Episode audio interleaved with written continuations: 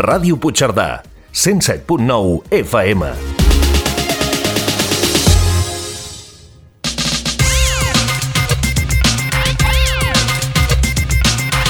A la sintonia de Ràdio Puigcerdà, els dimarts a les 12 del migdia, Ciència en Colors, presentat per l'Enric Quílez, un programa de divulgació científica i tecnològica.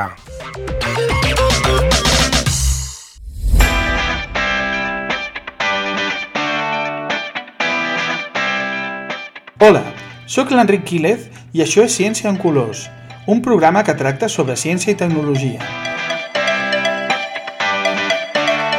Si al programa anterior vam parlar del cometa Neowise, avui parlarem d'un altre esdeveniment astronòmic molt popular que també està relacionat amb els cometes.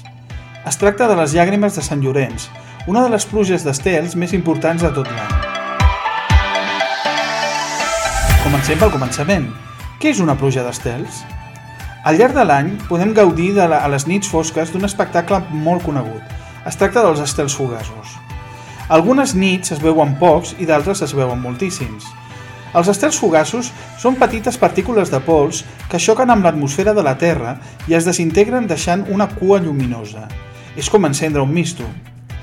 A mesura que la Terra avança per la seva òrbita entorn del Sol, va xocant amb partícules de pols més o menys grans que es desintegren a l'atmosfera, la majoria d'elles, i se'ns mostren com estrelles fugaces, tot i que no ho són pas d'estrelles. En determinades èpoques de l'any, l'òrbita de la Terra es creua amb les restes que han deixat alguns cometes i llavors es produeix el que es coneix com una pluja d'estels. Tenen dues característiques. Solen ser molt nombroses i a més semblen irradiar d'un punt concret al firmament. La pluja d'estels sol tenir el nom de la constel·lació més propera d'on semblen irradiar. Així, les conegudes llàgrimes de Sant Llorenç, que tenen el seu màxim la nit de Sant Llorenç, el dia 10 d'agost, semblen irradiar de la constel·lació de Perseu. Per això es coneixen també com a Perseides. Hem dit que aquestes partícules que es desintegren a l'atmosfera i que es veuen com estrelles fugaces provenen de les restes de la cua d'un cometa. En el cas de les Perseides, les partícules provenen del cometa Swift-Tuttle, descobert l'any 1862 i que té un període de 135 anys.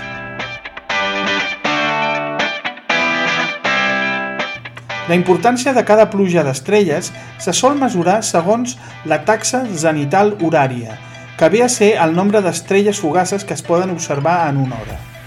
En el cas de les Perseides, sol ser de 100, però en alguns anys concrets i difícils de preveure amb antelació, aquesta taxa pot pujar enormement. En aquests rars casos, i si a sobre coincideix que el cel és fosc i no hi ha lluna que minvi la brillantor dels estels fugaços, la pluja pot resultar un veritable espectacle, com si fossin focs d'artifici. Imagineu-vos fa més de 100 anys, quan gairebé no hi havia llum elèctrica, i els cels de Cerdanya eren molt foscos, l'espectacle que devia representar per la gent aquelles pluges d'estels.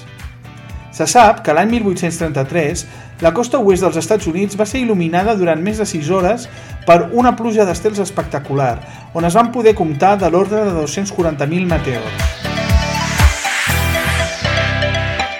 Les Perseides de l'any 2001 van registrar una taxa zenital horària de 1.500 meteors per hora. No és recomanable observar-les amb telescopi, perquè són massa ràpides i difícils de captar. En canvi, sí que es poden fotografiar deixant la càmera fotogràfica amb una exposició llarga. El millor per veure-les bé és triar un lloc allunyat de les poblacions i de la llum artificial amb l'orientació correcta i tenir una mica de paciència. Les Perseides reben el nom de pluja de Sant Llorenç perquè el seu màxim es dona la nit en què se celebra aquest sant. Sant Llorenç va ser cremat en una graella i es deia que les llàgrimes que va vessar eren aquestes estrelles fugaces. Pel que fa a la constel·lació de Perseu, d'on semblen irradiar els meteors, cal dir que els grecs atribuïen aquesta constel·lació al mític personatge de Perseu, fill de Zeus i Dànae. Perseu, a les costes d'Etiòpia, trobà Andròmeda, filla de Safeu, lligada a una roca, a punt de ser devorada per un monstre marí. Perseu lluità contra el monstre i el va vèncer, i com a recompensa va obtenir la mà d'Andròmeda per part de Safeu.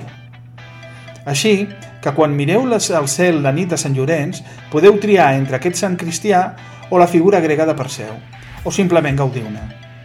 Si teniu la sort que aquest any la taxa zenital horària és prou gran i la lluna i els núvols no molesten, l'espectacle està garantit. I si no, podeu tornar-ho a provar un o dos dies després.